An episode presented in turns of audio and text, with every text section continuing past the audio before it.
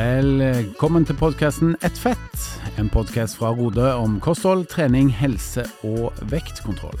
Mitt navn er Henning Holm, og jeg gleder meg til å ta deg med på en reise gjennom livsstilsendringens verden med aktuelle gjester.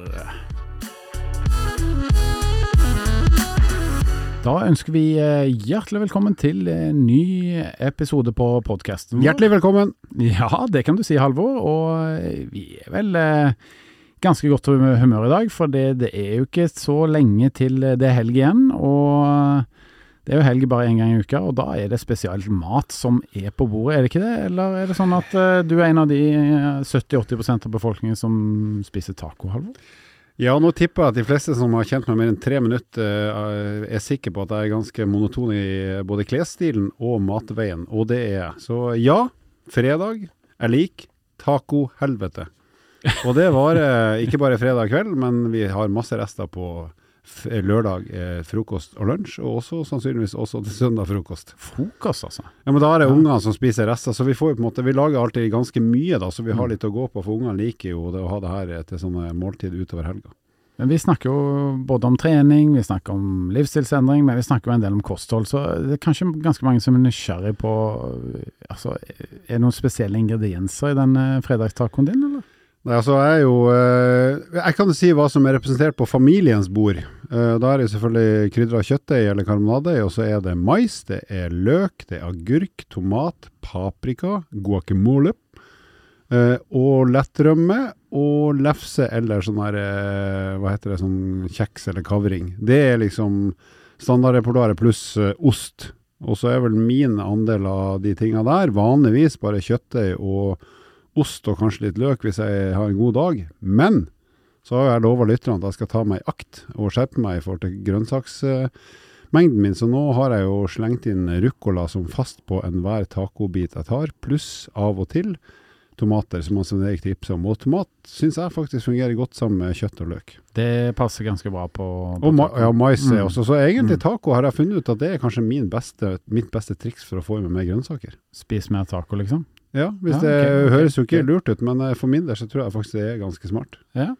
Nei, men eh, det er ganske mye likhet i det du sier fra din taco til min. Taco. Ja, for du òg har jo en familiehverdag som tilsier at det blir taco. Det blir taco på fredager, og hvis det ikke blir det, så lurer ungene på seriøst om det er noe helt galt. ikke sant? Så, så det må vi opprettholde. Og eh, helt ærlig, jeg er glad i taco. Jeg syns det er morsomt at vi har en slags eh, fredagstradisjon på det. Men jeg har én ingrediens, Halvor, som er litt sånn unik, da når det kommer til taco, og det er ikke en av de ingrediensene du kommer nå. Hva tror du det er? Da må jeg først spørre, er det definert som sunt eller usunt? Det er, det er sunt. Er det kjøttbasert? Nei. Er det fra planteriket? Uh, ja, du nærmer deg uh, nå. Er det, okay, men, er det noe jeg sannsynligvis aldri har smakt i hele mitt liv? Nei, du har smakt det. Chips? Det finnes Jeg tror vi skal gi oss med gjetteleken. det er faktisk druer. Å oh ja, ja, det har jeg sett på enkelte meksikanske restauranter. Ja, og det kan være enten røde eller grønne. Jeg foretrekker rød, faktisk. Eh, det er litt sånn søtere smak. Det funker kjempebra på tacoen, så du skal få en utfordring. Du skal få teste det, og så skal du fortelle om det i en senere. For å være helt ærlig, jeg må bare For, for meg høres det ut litt som å drikke øl til bløtkake. At det er for så vidt to ting som er gode av seg, men i sammen så høres det rart ut. Men greit, jeg skal gi et forsøk. Ja, men hvis du har den ja, ja, Hvis jeg har den innstillinga, så vet ja. vi jo hvordan det blir. men det er litt spennende, og jeg har utfordra andre på det, og de har faktisk blitt positivt overraska. Så jeg utfordrer ikke bare deg, men òg lydteknikeren som sitter i rommet med oss. Kanskje vedkommende òg skal teste det. Ligger, ligger, det på toppen, eller midt i, eller i bånn? Eh, på toppen. Å, ja. det må være helt på toppen. Godt spørsmål for en gangs skyld, herr Løstad. Veldig bra. Hmm. Men eh, veldig kjekt å høre at du har tatt den grønnsaksutfordringen på strak arm, da, Halvor. Eh, er det andre grønnsaker du plutselig merker at du inntar mer av, utover det med tomat? Nei, men så kan du si, eh, I og med at jeg da spiser taco, så gjør jeg det. Jeg gjør også det på lørdag og av og til søndag. Så har jeg egentlig tre dager i uka der jeg får i meg løk, salat og mais. Og det er jo mm. vesentlig mer enn før, for før så var det stort sett kjøttdeig, ost og kanskje litt løk. Så jeg vil jo si at det det er et banalt steg jo egentlig, men det hjelper ganske mye på totalen hvis jeg får lov å regne per uke, da. Men for å gjøre det fortjente fredagstacoen, du har vel trent noe denne uka òg, har du ikke det? Ja, da, jeg har det. Uh, og nå har jeg faktisk, uh, inspirert litt av Svein Erik sitt prosjekt, som, uh, mm. som nå skriver det fram, så har jeg faktisk kjørt litt motbakkeintervaller på tredemølla. Ikke bare sittet og sykla. Så jeg har to ganger i uka her så har jeg kjørt Svein Erik sin gulløkt som er åtte ganger to minutter på 10% stigning og ikke så veldig høy fart, for det trenger jeg ikke for å komme opp i den pulsen jeg skal ha for å utvikle formen. Mm. Så det, jeg ble litt inspirert av både han og for så vidt egentlig meg sjøl, selv, selv om det er teit å si. Kjempe, Kjempekjekt å høre. Og du da, Holm? Du har jo beveget deg da? Ja, og jeg eh, har begynt eh, ordentlig sånn å løpe frem og tilbake til jobb nå. Eh, I en travel hverdag så er det faktisk, om det enn høres litt sånn klisjéaktig ut, så er det et veldig godt og valid tips. Det å jogge til jobb. Da er jeg både våken og opplagt når jeg kommer frem. Jeg har dusjmulighet på jobb. Og noen dager så løper jeg også tilbake, så da klarer jeg liksom å, å ja, snappe ganske mange kilometer, da. Eh, så når jeg isper litt intervalltrening i tillegg, eh, og sitter litt på sykkelen hjemme og ja eh, tråkker av gårde, så får jeg ganske fin eh, treningsuke. Så um, jeg er godt i gang med commute, eh. Ja, og hvis man ikke tenker at man skal jogge, så kan man gå. Så det er mange muligheter å bruke beina til, eh, til og fra jobb. I hvert fall én av veiene. Absolutt, og det med gåaktivitet er jo noe du kan gjøre omtrent hver eneste dag. Du tåler ganske stor mengde med gåing, så det, det er et godt og enkelt tips til lytterne. Og en ting som er lurt å gjøre, og mulig å gjøre når man går, det er jo, eller jogge, det er jo å høre på podkast. F.eks. Et fett, som vi snakker i nå. Det var fornuftig sagt, Halvor. Det skal, skal jeg forlate rommet, da? Kanskje like greit, for nå har vi en eh, meget, meget uh, spennende gjest hos oss i dag. Hun er personlig trener, mentaltrener. Har en bachelor i medieutvikling og journalistikk. Driver egen podkast, eh, som vi meget varmt anbefaler. Holder foredrag, har egen blogg og driver digitalt treningskonseptet Trent på egen nettside. Om et lite øyeblikk så skal vi møte dagens gjest. Da ønsker vi velkommen til Pia Seberg. Hei Pia, og velkommen til oss. Hei, tusen takk for det, Henning. Du, eh, jeg har jo Altså, det hører vel med til, eh, til historien her at vi har jobba sammen på et tidspunkt, eh, Pia. Stemmer ikke det? Jo, det stemmer vel, men altså nå begynner det å bli noen år på baken, Henning. Så nå klarer jeg ikke å sette akkurat fingeren Men det var vel i EVO, var det ikke det? Jo da. Jeg var PT-ansvarlig i EVO, og du var da en ung og dyktig personlig trener i Drammen på et tidspunkt. Så ja. jeg husker jo denne her blide unge jenta som gjorde det veldig bra som PT, som nå har eh, med årene blitt en av våre store treningseksperter i Norge. Som nå årene har blitt gammel og sur? Men eh, du har jo hatt en eh, kjempefin reise i treningsbransjen, og blitt et veldig kjent ansikt eh, både i mediene og i treningsverden. Eh, velkommen på podkasten, og tusen takk for at du ville bli med. Tusen, tusen takk, og takk for gode ord. Jeg er jo veldig takknemlig for den arbeidshverdagen jeg får lov til å ha, og at jeg får lov til å være med på ting som dette her, som jeg håper og tror at påvirker folk veldig positivt. Da. Så takk, takk, for at jeg får være med. Veldig, veldig kjekt. Eh, du, du har jo blitt en, eh, hvis jeg kan kalle det en kjendis innen uh, trening. Men for de av, de, de av, våre lyttere som kanskje ikke kjenner deg fra før, da kan du fortelle litt om din bakgrunn? Hvordan har du vært som barn, og hvordan har ungdommen din vært? Hvordan har fokus på kosthold, form og trening eh, vært for deg? Hvordan har din reise vært, rett og slett? Ja, for du nevnte mye om meg på generelt grunnlag i innledninga. Så det kan jo være gøy å snakke litt om min altså, treningsreise. Jeg opplever at mange av de som er, de som er uh, kjente og aktive innen treningsbransjen, har på en måte alltid vært uh, litt sånn inne i trening. Um, ikke alle da, men mange. Uh, for mitt tilfelle så var det litt annerledes. Jeg var på ingen måte noe idrettsbarn. Tvert imot, hvis noen kasta en ball til meg, så løp jeg på en måte motsatt retning. Um, og, og var liksom glad i ostepop det gode liv, sett på TV og ja, likte på en måte den, uh, den type livsstil. Og etter hvert som jeg ble eldre og kanskje en sånn ungdom, så merka jeg at det påvirka kroppen min positivt. Jeg tror når man er ung og merker at man er stor, så ja, får man et litt problematisk forhold til det. Uh, men jeg hadde aldri vært noe glad i gym eller egentlig noe som helst form for uh, arena for fysisk aktivitet. da. Men eh, så var det en dag at pappaen min spurte om jeg ville være med ut og løpe. Noe han hadde gjort x antall ganger før, men plutselig en dag så sa jeg ja. Jeg tror vi ble like overraska begge to.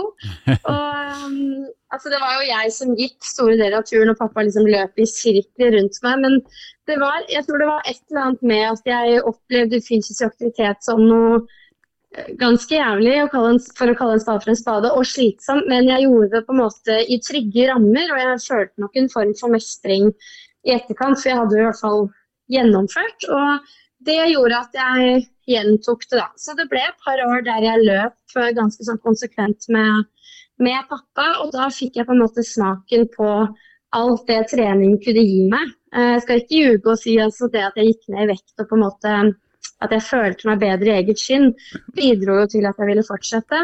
Men uh, det var jo også alle disse andre effektene ved trening som ja, gjorde at jeg ville gjøre mer av det. Og siden da så balla det jo på seg med melde seg på treningssenter, være med på gruppetimer, spinning, PT-utdannelse. Og, og vips, er man her man, man er i dag. Du Pia, jeg er jo far til tre unger sjøl, og jeg er litt spent på å høre hva var det faren din gjorde i forbindelse med dine gå-, jogge-, løpeturer som gjorde at du syntes det var ålreit? For jeg tror ikke helt jeg knekte den koden sjøl, som far altså. Nei, men jeg tror helt ærlig at det er verken han eller jeg heller. Vi ønsker jo gjerne å gjøre det, men det var nok bare det at uh, han spurte konsekvent over tid uten å presse. Det var bare sånn Vil du være med? Nei, OK. Vil du være med? Nei, OK. Det var ikke noe, det noe hassle rundt det. og når jeg først ble med, så var han nok ganske god på å bare være til stede og la meg liksom gjøre greia mi. Um, ja, og gi meg en klapp på skulderen etterpå. Jeg kunne ønske jeg hadde noe fasitsvar til det, Halvor, med tanke på hvordan, hvordan, det gjøres. Men uh, det aller viktigste var nok at det ble vekt noe i meg. Ikke nødvendigvis av pappa, men det var noe i miljøet rundt meg, noe inni meg som tilsa at jeg måtte gjøre en endring. Og det vet jo vi som jobber i treningsbransjen. Uansett hvor mye du ønsker for kundene dine eller familie, de du er glad i, så må det alltid være en motivasjon innenfra som starter og driver det hele, da. Um, og det var nok tilfellet også der, selv om jeg var ung. Mm. Eh, eh, altså Når du og Halvor da sitter og snakker om dette her, og Halvor ber om gode tips, eh, så tenker jeg at det du sier, da, hvis jeg forstår det riktig, så handler det litt sånn om sånn positiv nudging, da. At du faktisk bare Du tar deg bryet til å spørre. At pappaen din spurte på en veldig fin måte, sa du, og han spør igjen og igjen. Eh, og det handler mhm. ikke om å liksom presse på noe, det er bare liksom Vet du hva, jeg kunne faktisk tenkt meg at du ble med, men bare hvis du har lyst. Og det virker jo som eh, at det er et ganske godt tips, da, som kanskje mange andre kan ta med seg, enten man snakker til barn, eller man snakker til, til andre. Ja, absolutt. Eh, at det kan gjøres i trygge rammer, og ikke minst at jeg opplevde å få, eh, få litt mestring. Når jeg husker tilbake, så var det veldig ofte at man fikk jo til lite i gymmen. Altså, det var aldri noe kult å være den dårligste i gymmen gang på gang på gang, og det syns ikke gymlæreren heller, på en måte. Eh, og så vet jeg at gymfaget har endra seg litt siden den gang, men jeg husker jo også at de løpeturene at jeg fikk veldig mye mestring fordi pappa var flink til å se det at selv om jeg var i dårlig løpeform, så hadde jeg gjennomført det på en måte og hylla, på, hylla det. Da. Og det er også grunnen til at mye av min treningsfilosofi både for meg selv og andre inneholder dette her med mestring. Jeg tror det er så sinnssykt viktig å legge til rette for at man ja, kjenner på mestring når man skal både når man skal begynne å trene, men også for å holde på den uh, treningsmotivasjonen. Da. Mm, eh, definitivt. Og, men jeg lurer på, liksom, det er så fint når du forteller om dine egne opplevelser da, når det kommer til, til trening. Men eh, samtidig, har du på noe tidspunkt i livet gjort noen sånne spesielle grep med eget eh, kosthold? Uh, ja, altså Vi kan jo heller spørre nesten hva man ikke har gjort. Altså Som, som en person i treningsbransjen så har man jo testa det meste, både fordi man har fått i oppgave å gjøre det. Altså når jeg studerte til uh, å bli PT, så skulle vi jo teste ut både den ene og den andre dietten. Uh, og så har man jo vært borti lavkarbo, faste Ja, jeg tror helt ærlig jeg har på en måte testa, testa det meste. Hva vil du si er det rareste du har testa, da? Eh, altså Det rareste for meg var vel en sånn ekstremvariant av når jeg hadde tunga rett i munnen, proteinsparende modifisert faste, er det det som er riktig? Har ikke peiling. Uansett, det, det, det, det skjer at man da skal spise så mye protein som mulig for å ivareta muskelmassen, samtidig som man ligger i et ekstremt kaloriunderskudd. Så på godt norsk vil jeg si at du spiser bare kylling, torsk eh, og cottage cheese, supplert med brokkoli, bønner, spinat, altså grønne ting. da. Så det, det, ble ganske heavy på holdt på å si dag to, men egentlig andre timen så kjente jeg at dette, dette gjør vondt. Veldig bra. Uh, det, det, virker ikke så kjekt å gå på. på det Nei, jeg må bare understreke at det, grunnen til at vi gjorde det, var jo fordi vi tok PT-utdannelse, og jeg tror målet var at vi skulle få kjenne litt på kroppen hvor ekstremt det kunne være å mm. eksperimentere med kostholdet. Ja. Uh, det de fleste har satt igjen med, er vel at det, det for ekstreme er på ingen måte holdbart. og ikke noe poeng å, å holde på med sånt nå. Nei. Halvor, er det noen sånn spesielle ting som du har testa, som Pia forteller nå? Uh, ja, jeg har prøvd litt forskjellige jeg òg, men jeg, jeg husker bl.a. noe som var litt populært uh, da jeg hadde hår, faktisk. og Det var ananaskuren. Og Da skulle man altså spise uhorvelige mengder med ananas, for det er jo veldig mye vann i det. Så det er ikke så mye sukker heller, tror jeg, per eh, milliliter vann. Så det var liksom Du skulle egentlig døyve sulten med ananas, og så skulle du vel ha litt bitte vanlig mat innimellom. Men det husker jeg Jeg syns ikke ananas er spesielt godt, da. Og liksom hele det konseptet der med å spise mye vannholdig frukt døgnet rundt for å liksom holde metthetsfølelsen på en eller annen måte i sjakk. Det er vel det særeste jeg har prøvd. Jeg prøvde vel det i tre-fire dager, litt sånn som du, Pia. At jeg, jeg skulle gjøre det lenge nok til å i hvert fall ha en idé om hvordan, hvordan påvirker det livet mitt. Og når jeg hadde funnet ut det, så slutta jeg med det. Nå tenker vel jeg at det er både ganske lenge siden du hadde hår, og eh, siden jeg hørte om den dietten. Det er korrekt.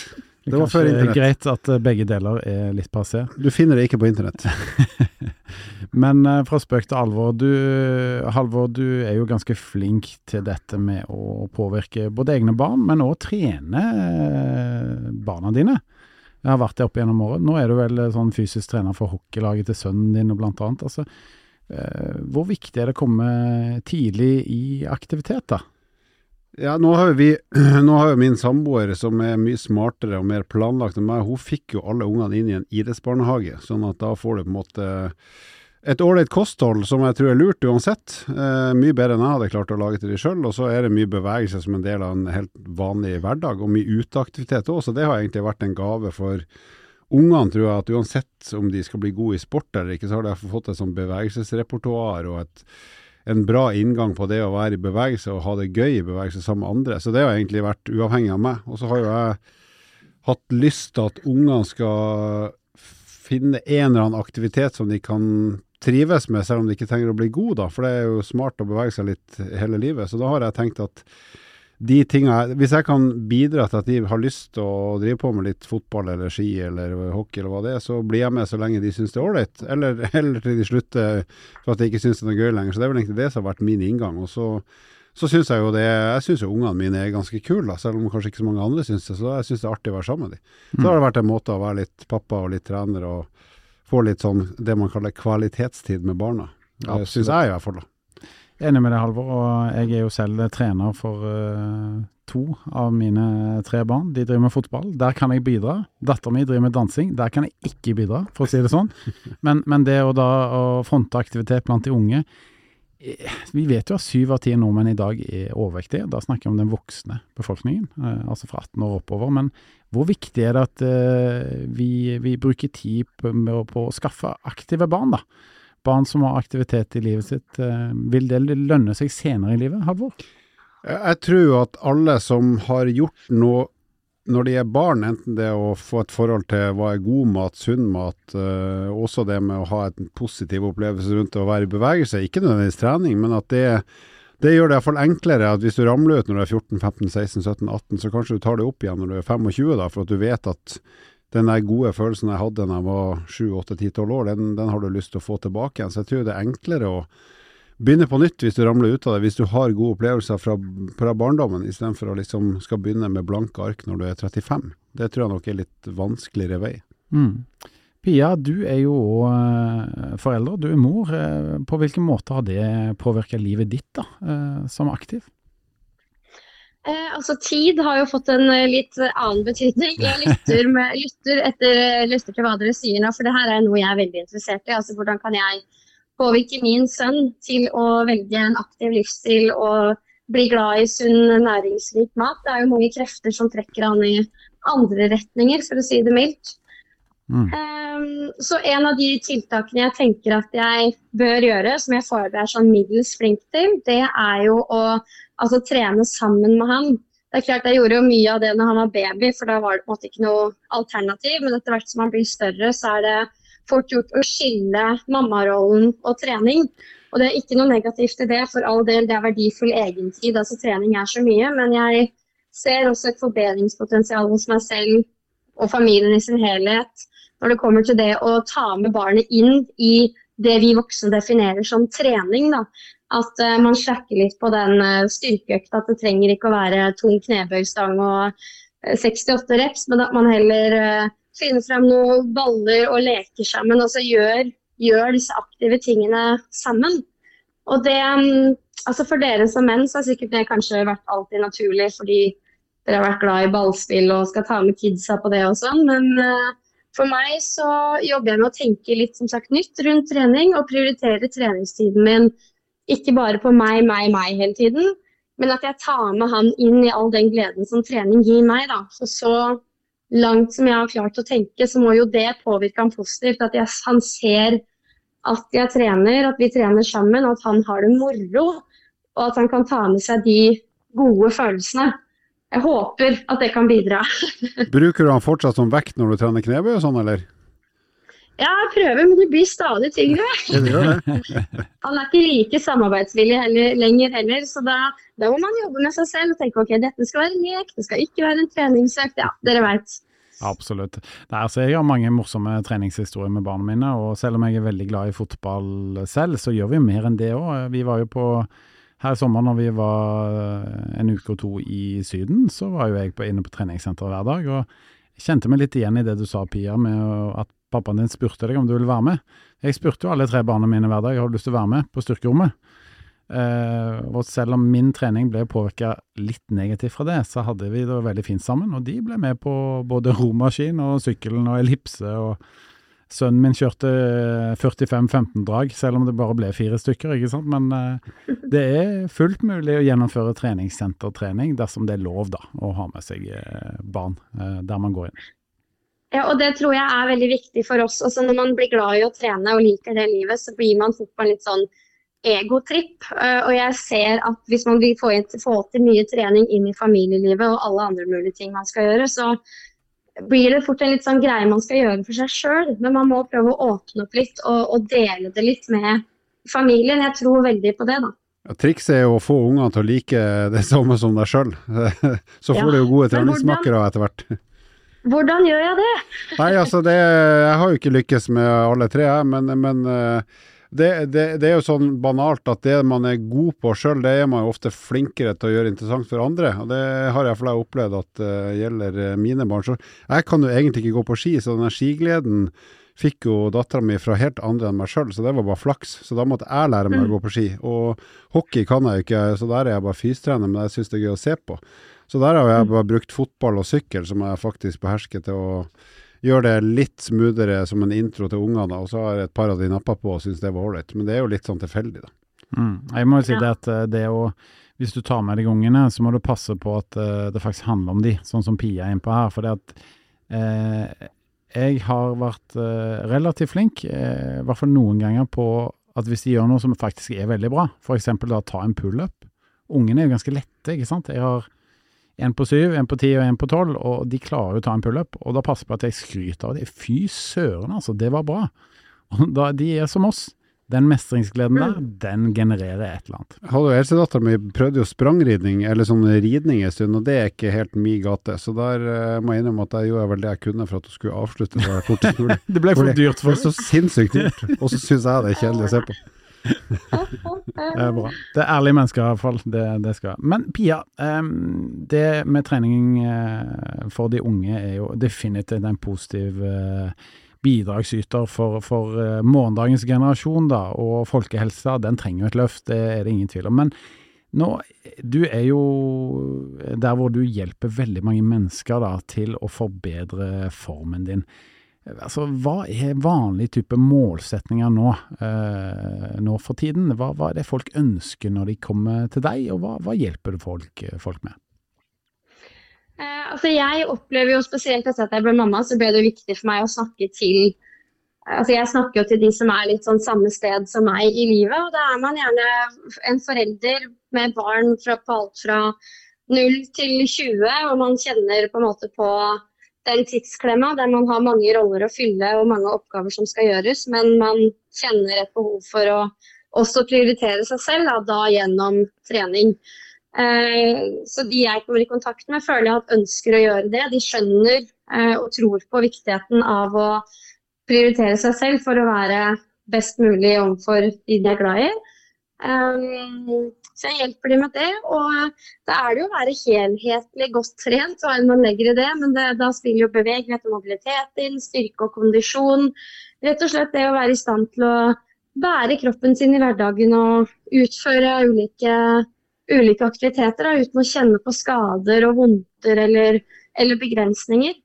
Mm. Um, det er liksom essensen i det jeg, i det jeg gjør, uh, føler jeg. Og så prøver jeg å gjøre dette her så tilgjengelig som mulig. Det er jo der uh, digital trening er så genialt. Altså, Misforstå meg rett, timer med PT og alt dette her er helt fantastisk, men bare det å komme seg på et senter kan jo være et lite tidssluk for mange, ikke sant.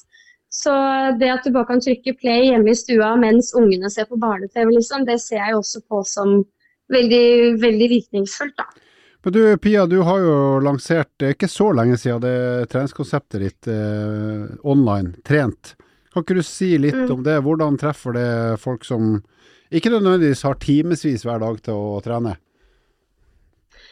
Altså, Trent starta i korona som et verktøy for liksom, nå må vi holde oss i gang, folkens. Og så, og så har det fortsatt. Og det er jo disse igjen de som kjenner på tidsklemma, ser at ok, jeg har bare 30 minutter. Det er ikke nok tid til å dra på et treningssenter, men du kan trykke play på skjermen og utføre ulike økter. da.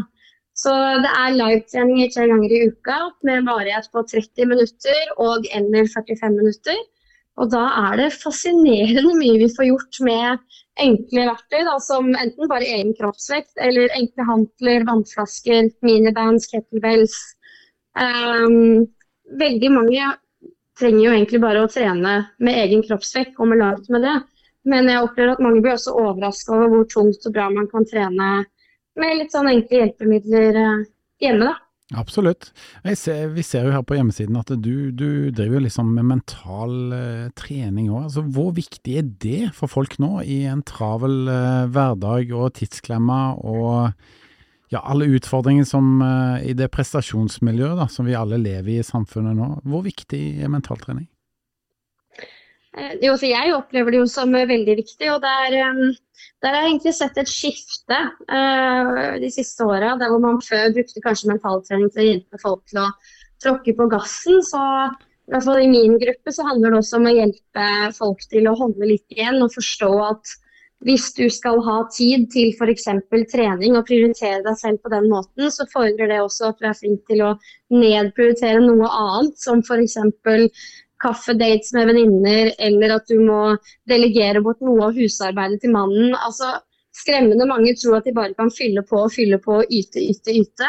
Så da handler det om å bruke mentaltrening til å skape en forståelse uh, for alle de rollene og oppgavene man har. og ja, folk må ha litt hjelp til å være rause mot seg sjøl, rett og slett. Og dette her med å ha tid til trening før jeg fikk barn, så kunne jeg være veldig sånn Alle har tid til trening hvis de vil det nok. Og det er jo selvfølgelig noe sannhet i det, men veldig mange har ekstremt mange oppgaver. Og i noen tilfeller så trenger man å prioritere bort noe for å ha tid til å kunne trene og ta vare på seg sjøl. Og det tror jeg veldig mange må gjøre, og de må ta det på alvor. Det at de må ta vare på på egen helse. da. Mm. Jeg må spørre deg om en ting der, og det er basert på noe som vi har opplevd selv. og det Har du opplevd at du har blitt en bedre eh, trener, da? Personlig trener, etter at du ble mamma? Forstår eh, ja, du kun absolutt. bedre, liksom? Ja, det er jo akkurat det. Man, man har en mye større forståelse. Og det Jeg husker som ung kvinnelig PT så hadde jeg jo veldig lyst til å hjelpe de som var gravide og som hadde født, men jeg, hadde, jeg følte selv at jeg hadde så lite forståelse for det scenarioet at jeg måtte gjennom det selv. Men ganske kjapt etter at jeg hadde både vært gravid og født barn og også blitt mamma, så har jeg føler at jeg har en mye større forståelse som sagt, og trygghet i det å hjelpe ja, egentlig foreldre i alle aldre. Selvfølgelig ulike faser, livsfaser hos et barn oppfører seg ulikt i livet, men vi kjenner jo alle på mange av de samme tingene. Det er jo derfor du løper til jobb, Henning, og liksom Vi får det inn der vi kan, liksom. det, det, er sant. Men eh, nå har vi prata om dette med folkehelse fra flere forskjellige vinklinger i dag, og, og fått veldig mange gode tips til lytterne. Eh, nå er det vel likevel sånn at selv om eh, alle vi tre har jobba veldig mange år i treningsbransjen, så har vi en del lyttere som absolutt aldri har trent på treningssenter før. Um, jeg lurer på om at du har noen gode tips til hvordan de kan komme i gang med, med treningen sin, Pia. Så si at man f.eks. egentlig ikke har trent, kanskje man har gått ned noen kilo eller ønsker å gå ned noen kilo, og at man da vil komme i gang med treningen og si sånn endelig nå er det min tur. Hvor starter jeg? Ja, altså Først og fremst vil jeg si at det er fantastisk at man vurderer å gå inn på et treningssenter. Det kan jo være skremmende for mange, og det forstår jeg godt, spesielt om man ikke har trent mye. Um, og en del av meg har jo, altså Mentaltreneren i meg kan jo finne på å si at du må sette deg hårete mål, det er jeg sikker på at mange har hørt. Men akkurat i det tilfellet her så er jeg veldig fan av å sette små, litt sånn veldig overkommelige mål. Når du setter deg ned og skriver det opp f.eks., så kjenner du sånn ja ja, det der er ikke noe stress. Men livet slår er trynet, og da er det, det er fort gjort at man da nedprioriterer det som virka så enkelt i begynnelsen. Da. Så små mål, f.eks. jeg skal på treningssenteret én gang en måned. Så tenker jeg også at det er lurt å ha en plan for hva du skal gjøre på treningssenteret den ene gangen du er der og også ha litt kunnskap om hvorfor. Jeg tror det er veldig viktig at folk som ønsker å etablere nye rutiner og skal ta eierskap til sin egen helsereise, de trenger også å ha en viss kunnskap om hvorfor de skal gå på den mølla i 20 minutter. Hvorfor skal de trene på pushups? Hvorfor skal de lære seg knebøy? For da er det litt lettere å minne seg selv på igjen hvorfor man skal gidde å møte opp. da. Uh, og For å liksom legge den planen og tilegne seg den kunnskapen, så er det jo masse fantastiske PT-er der ute det er jo masse kompetanse på treningssentrene som jeg tror man må tørre å ta i bruk. da. Absolutt, det var, det var gode tips og, um, og råd. Vi har ikke så mange minutter igjen før vi skal ta og høre på Halvors uh, fun fact for dagen. Men nå som vi har deg på plass her, uh, Pia, vi må jo få litt uh, innsikt i ditt liv òg. Vi pleier å spørre alle gjestene våre om, om de har en guilty pleasure, rett og slett, eh, innen eh, kosthold. Liksom, er det sjokoladen eller hva det nå enn er? Og om du har et godt tips på, på, noe smart man kan eh, knaske på, som er litt sunnere når man først uh, føler at man har en trang til, til, å kose seg med noe. Ha, kan du dele litt her? Skal vi se Guilty pleasures. Mm, altså sånn, Jeg har jo aldri noe guilt når jeg spiser det, men jeg er ganske sånn svak for en sånn god gammeldags takeaway-pizza med, med rømmedressing. Det sier jeg aldri nei til. Eller en sånn hjemmelagd variant. Uh, altså alle former for pizza. Det går liksom glatt ned. Støttes fra meg. Um, ja. og så kommer det opp, og da kunne jeg ønske jeg hadde noe skikkelig spicy, men det er liksom Jeg har en sånn regel, jeg skal spise sunt og bra og på en måte som gjør meg sjøl stolt, men de gangene mulighetene kommer til meg hvis kjæresten foreslår pizza eller er et sosialt lag der hvor det tilbys kanelboller. Det er min mulighet til å si ja og kose meg litt ekstra da, i møte med andre mennesker. Vi har hatt noen andre gjester som har snakket om ostepop. Er du der, eller? Ostepopen, ja. Men det begynner å bli så mange år siden at jeg, jeg, jeg er liksom ikke helt der lenger. Men sånn fra back in the days, da jeg var ung og satt hjemme i stolen og koste meg, da var det, da var det ostepop som gjaldt. Herlig. Veldig bra. Vi stiller disse spørsmålene for å liksom ta disse tingene opp i dagen og ufarliggjøre litt, eh, samtidig som vi da prøver å oppfordre til, eh, til sunne og gode vaner. Så i det øyemed, er det sånn at du har noen gode tips? Hvis noen føler liksom en cravings, så, så har du et sunt eh, tips? Absolutt. Jeg syns at eh, det for å dempe litt craving, spesielt sånn på kvelden når man har spist middag og man er mett, men man har lyst på et eller annet, så er det helt gull med første, første tips er koffeinfri kaffe med litt havremelk og kanskje en sokett eller to, for å liksom få litt den søtsmaken. Eh, det metter litt, og så gir det en helt annen smak på en måte i munnen. Og det kan liksom fjerne søtsuget litt for min del, i tillegg til gjerne en gulrot eller et eple på sida. Eh, og tips nummer to det er en skål med cottage cheese eller gresk yoghurt eller kesam eller gudene veit hva, med masse bær oppi og kanel. Det er jo også en, et nydelig og sånn proteinrikt eh, måltid eller mellommåltid som fyller opp på en, på en god måte, da. Veldig, veldig bra. Da er jeg sikker på at lytterne er godt ivaretatt og får seg eh, noen gode tips. Da vil jeg bare supplere med tysk yoghurt er minst like god som gresk. Nei, det tror jeg ikke noe på. Nei, jeg tror du har helt rett. helt til sist, eh, Pia, før vi slipper til han, han her eh, slitne nordlendingen med dagens uh, fun fact. Uh, har, du et, uh, liksom, har du en favorittøvelse som du velger liksom ofte å fokusere på for de som ønsker å starte med trening? Jeg vil jo slå et slag for å gå. Det er jo ganske usexy og kjedelig, men altså bare det å få opp aktivitetsnivået i løpet av en dag, gå turer, eh, det er også noe jeg gjør mye selv. Akkurat nå er jeg i en fase i livet hvor jeg trener mye styrketrening, fordi jeg ja, programmerer det også for andre, så jeg følger samme program. Og da er gåing helt fantastisk for å kunne hente seg inn igjen, altså restituere, men også ha et aktivitetsnivå og holde forbrenninga oppe uten at du må liksom slite deg ut på mølla. Så det er attraktivt både for meg som trener mye fra før, men som i tillegg trenger bevegelse for å hente meg inn igjen og få inn skrittene mine. Men også for deg som ikke trener så mye, ønsker å komme i gang. Få den podden på øret, ha litt gode sko og gå ut og liksom trekk frisk luft. Og ja, få fart på beina. Veldig bra. Jeg liker så godt, Halvor, at Pia her eh, kommer med de enkle, gode tipsene. Ikke noe fancy, men rett og slett det som funker altså. Og ja, og det, enkle ting du kan gjøre hver mm. dag. Ja. Og du trenger ikke ha så mye tid til det heller, for du får alltid 5 til 10 til 15 minutter, det klarer vi uansett et par-tre ganger for dag. Og er så konkret og forteller om eh, liksom, de håndfaste tipsene folk kan ta med seg. Så tusen takk, Pia. Og eh, før vi slipper til Halvor her med dagens siste kommentar, så vil jeg si takk for at du ble med. Det setter både meg og Halvor stor pris på, og lytterne stor pris på. Og så anbefaler vi folk å ta en titt på eh, Pia Seberg. Jeg setter større pris på det enn Henning, Pia. Jeg setter enda større pris på det enn Henning. det er godt å høre. Det er bra. Piaseberg.no med to e-er. Stemmer ikke det, Pia? Det er helt riktig. Herlig. Halvor, du har jo hatt en eh, herlig serie her med fun facts eh, på tampen av hver episode. Ehm, hva har du kommet med i dag? I dag skal jeg snakke om den eh, nest vakreste kroppsdelen min. Ikke leggene, men mine flunkende, vakre, krystallblå øyne. Jeg tror ikke jeg har det, jeg tror jeg har brune øyne. Jeg vet ikke. Men nei, øyet er jo noe det, Altså, det er jo kobla en del muskler til øyet. Vi blunker jo. Og vi blunker ca. Hvis ikke du er ute på dateren og skal gjøre noe stort, og det bør ikke du gjøre lenger, Henning, så blunker vi ca. 20 ganger per minutt. Stort sett ubevisst. Hvis du ganger opp det med antall minutter som er et helt år, så bruker vi de musklene ca. 10 millioner ganger per år. Så det er en ganske utholdende muskel, som samtidig er kvikk, for du merker nesten ikke blunket. Hm. Noe å tenke på. Det, det, det, visste jeg faktisk ikke. Sjokkerende. Så det var, ja. Men blir det noe muskelvekst på disse øynene, da? Eh, du kan få ganske lange øyelokk, sånn som jeg har fått etter hvert. jo eldre du blir.